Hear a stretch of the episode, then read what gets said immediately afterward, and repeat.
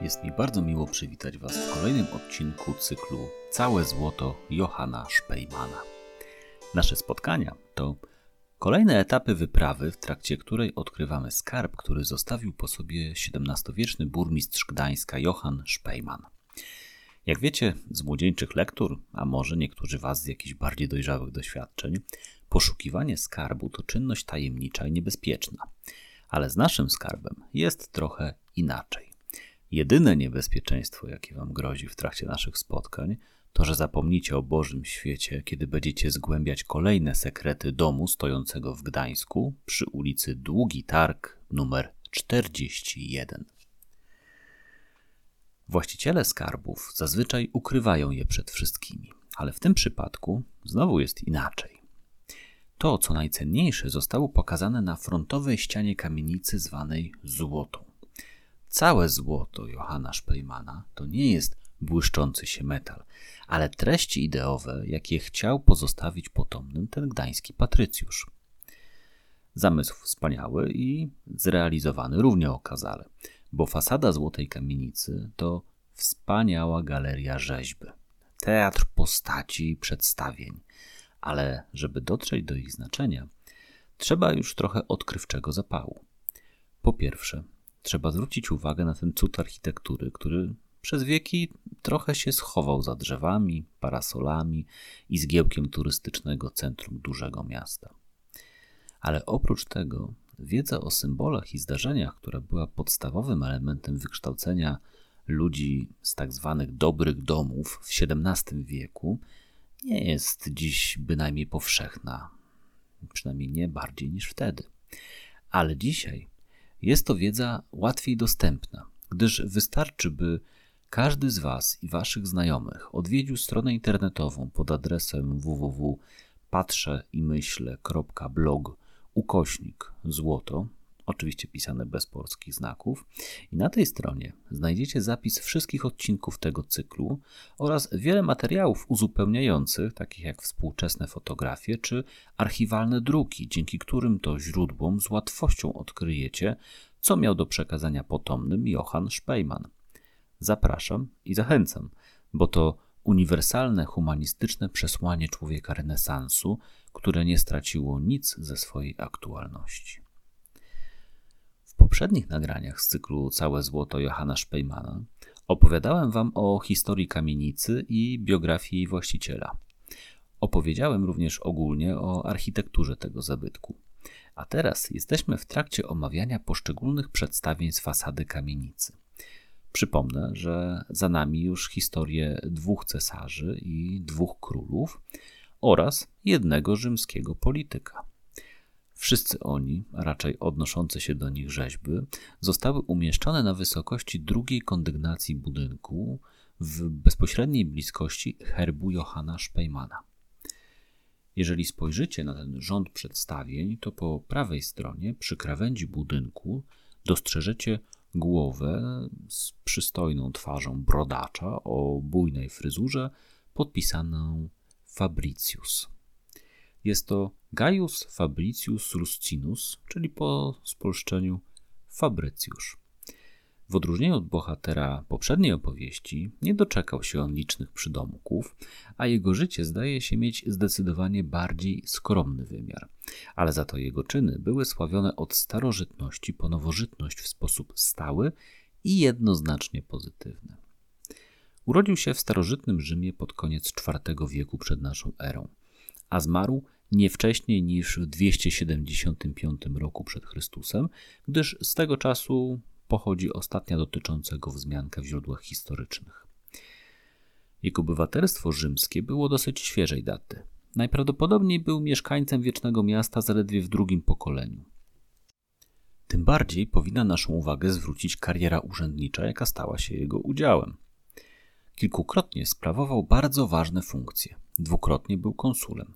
Słowo konsul pierwotnie oznacza doradcę, ale w Rzymie czasów republiki konsulowie sprawowali najwyższą władzę, a żeby nie przeczyło to założeniom ustrojowym państwa, wybierano ich kilku. W czasach Fabrycjusza konkretnie dwóch. Jako konsul realizował on kluczowe dla Rzymu zadania o charakterze zarówno administracyjnym, dyplomatycznym i wojskowym. Więcej opowiem o tym za chwilę. Fabrycjusz został również wybrany cenzorem. Nazwę tego urzędu nie należy bynajmniej kojarzyć z jego dzisiejszym znaczeniem opartym o limitowanie dostępu do informacji. Niewątpliwie władza rzymskiego cenzora była znacząca i dlatego wybierano na cenzorów najczęściej osoby, które przeszły całą drogę tzw. Tak cursus honorum, czyli długiej ścieżki awansu urzędniczego obejmującego szereg stanowisk o stopniowo wzrastającym zakresie decyzyjności i obejmującym bardzo szeroki zakres kompetencji. Chodziło nie tylko o, o to, żeby Rzymianie mogli osiągnąć pewność odnośnie do wiedzy i umiejętności kandydata na cenzora, ale również chodziło o możliwość oszacowania jego postawy moralnej. Nie można się dziwić, że starożytni Rzymianie bardzo skrupulatnie sprawdzali kandydata na cenzora, gdyż miał on nad nimi władzę, której niewłaściwego wykorzystania mogli się obawiać. Cenzor prowadził spis majątków obywateli, określał status i przynależność administracyjną. Zajmował się także sporządzaniem listy senatorów na kolejne kadencje. Kontrolował wydatki publiczne i państwowe inwestycje, a także sprawował finansowy nadzór nad armią. Jednak bardziej wrażliwym elementem ich władzy była kontrola moralnej postawy obywateli Rzymu. To, co dziś jest prywatną sprawą każdego człowieka, mogło się dzięki aktywności cenzorów stać sprawą o znaczeniu publicznym i mieć wpływ na sytuację każdego Rzymianina. W razie stwierdzenia niegodnego postępowania, cenzor mógł zarządzić obniżenie statusu społecznego oskarżonego, a to skutkowało z kolei odcięciem od funkcji publicznych i wykluczeniem z grona pozwalającego na udział w sprawowaniu władzy, a także mogło utrudnić prowadzenie interesów. A zatem władza cenzora była potężna i jeśli wierzyć legendom, to nie mieli Rzymianie nigdy kandydata bardziej godnego tego stanowiska niż Fabrycjusz. Przekazy o niezwykłej postawie, jaką później przez wieki podawano za wzór pokoleniom, wiążą się głównie z okresem wojny, jaką toczył Rzym z innym miastem znajdującym się na Półwyspie Apenińskim, z Tarentem. Tarent był to duży port na południu, leżący, tak mówiąc obrazowo, w zagłębieniu, zaraz przy obcasie włoskiego buta. Walki toczyły się o dominację w regionie, a Tarent wykorzystał swoją lokalizację i sprzymierzył się z leżącym nieopodal, choć na przeciwległym brzegu Morza Jońskiego, królestwem Epiru.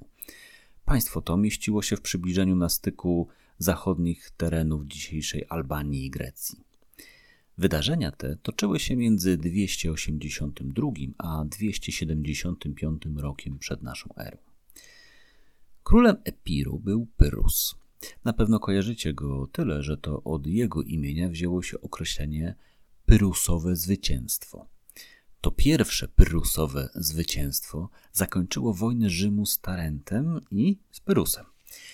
Miało ono miejsce w trakcie dwudniowej bitwy pod Asculum, na przebieg której znaczący wpływ wywarła szarża dwudziestu słoni, którymi dysponował Pyrrhus, a które wywołały panikę w szeregach Rzymian. Uciekli oni z pola walki, ale zwycięski król Pyrrhus stwierdził wtedy, że jeszcze jedno takie zwycięstwo i będzie zgubione. Korzyści nie były proporcjonalne względem poniesionych strat i wojska Epiru przystąpiły do odwrotu.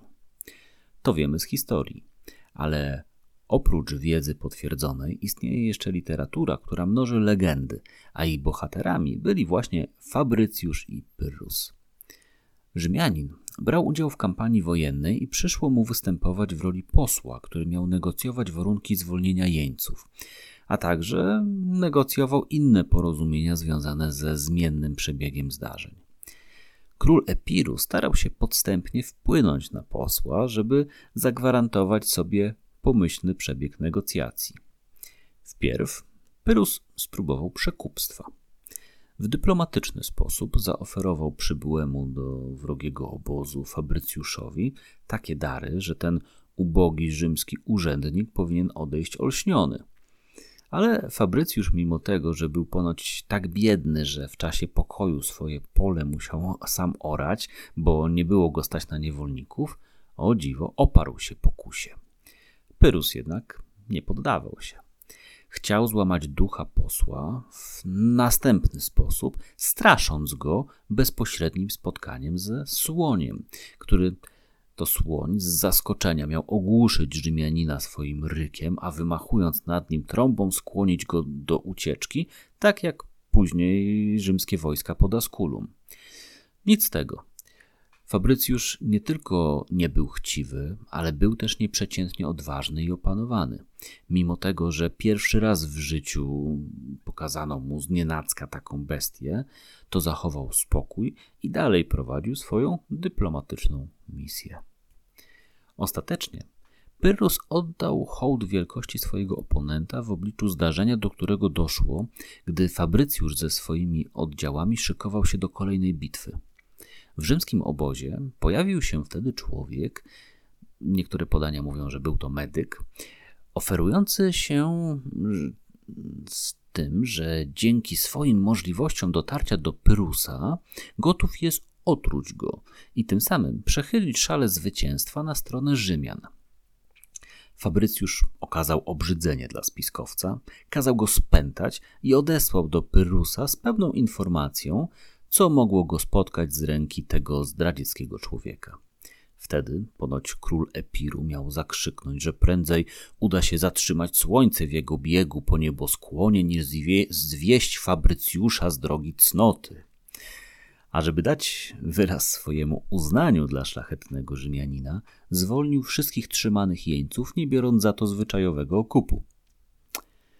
W Rzymie Fabrycjusz również dawał swoją postawą przykłady surowego i skromnego życia, a niejednokrotnie wymagał tego od innych.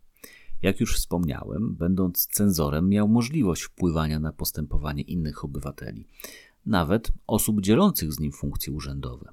Ponoć oskarżył drugiego cenzora wybranego na tą samą co on kadencję, że nieobyczajnie się prowadzi, spożywając w swoim domu posiłki na drogiej srebrnej zastawie nietypowa wyrazistość postawy sprawiła, że stał się on symbolem, a jego na poły legendarne przygody stanowiły doskonałą ilustrację dla rozwijającej się w starożytnym Rzymie filozofii stoickiej.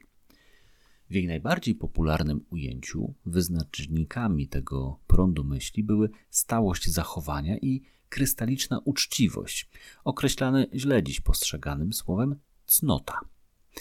Ale w pakiecie były też wiara w racjonalny porządek świata, republikańskie poglądy i tym podobne założenia. Z lubością zostały one przejęte przez odrodzeniowy humanizm i tą drogą właśnie zaraziły mieszkańców nowożytnego Gdańska, a wraz z ideałami dziedziczy się też legendy inspirujące do ich pielęgnowania. Z postacią Fabrycjusza spotykamy się w wielu dziełach klasyków filozofii i literatury. W starożytności pisali oni m.in. Cyceron tymi słowy: Wiele bowiem jest stopni doskonałości, i ten największą zdobywa sławę, kto najbardziej wybija się na polu cnoty. Wspomina Fabrycjusza też Wergiliusz. Obaj pisarze umieszczają go w panteonie największych bohaterów w ich wspólnej przeszłości. W bliższych nam czasach Fabrycjusz pojawia się na przykład u Boecjusza, ale jako obraz przemijającej sławy osiągniętej ludzkimi siłami, która niknie w obliczu wieczności. Podobnie patrzy na bohatera naszej opowieści Dante, który jako poganina umieszcza go w czyśćcu, ale z uznaniem dla jego moralnej doskonałości. Pisze on: Fabrycjusz nad złoto przeniósł ubóstwo ożenione z cnotą. Przyjęcie tego bohatera za swojego wiązało się zapewne nie tylko z upodobaniem, jakim renesansowi humaniści darzyli filozofię stoicką. Stoickie wartości znalazły swoją żywą postać w etyce chrześcijańskiej. W ten sposób zasypywano niejako przepaść, która dzieliła poganina od wyznawcy Chrystusa, co nie wprost wytykał Fabrycjuszowi Boecjusz. I w tej formie, takiej, że tak powiem, już ochrzczonej, mógł go otwarcie akceptować Johann Speyman. Po piersie Fabrycjusza zostało umieszczone w linii posągu umiarkowania, co bezpośrednio wskazuje, jaką cechę charakteru chciał pokazać potomnym XVII-wieczny burmistrz w tej części elewacji swojej rodowej siedziby. Surowość charakteru wpisywała się bowiem w założenia etyki kalwińskiej. Co prawda, jak wiemy, między etyką a moralnością zachodzi często rozbieżność, bo codzienna praktyka nie radzi sobie najlepiej z dźwiganiem postawy narzuconej przez ideały. Szpejman raczej nie nadawał się na wzorzec umiarkowania, co nie znaczy, że tej cechy sobie szczególnie nie cenił. Dla Szpejmana większe znaczenie mogła mieć republikańska część etosu ucieleśnionego przez Fabrycjusza. Jego służba publiczna spełniana bezinteresownie i z pełnym poświęceniem, działanie dla dobra ogółu, dla kraju. A z kolei dla Szpejmana krajem był Gdańsk. Najpierw Gdańsk, a dopiero potem Polska, o czym nie należy zapominać. A wątek ten będzie przewijał się jeszcze nieraz w kolejnych opowieściach o całym złocie Johanna Szpejmana. Tymczasem dziękuję Wam za wysłuchanie kolejnego odcinka. Zachęcam do odwiedzenia strony internetowej tego podcastu dostępnej pod adresem www.patrzę-i-myślę.blog ukośnik złoto, oczywiście pisane bez polskich znaków. Znajdziecie tam dużo materiałów ilustrujących moje opowieści. No, ale przede wszystkim wybierzcie się koniecznie na długi targ, żeby podziwiać to, co zostawił nam Szpejman. Owoc jego majątku, intelektu i wyobraźni.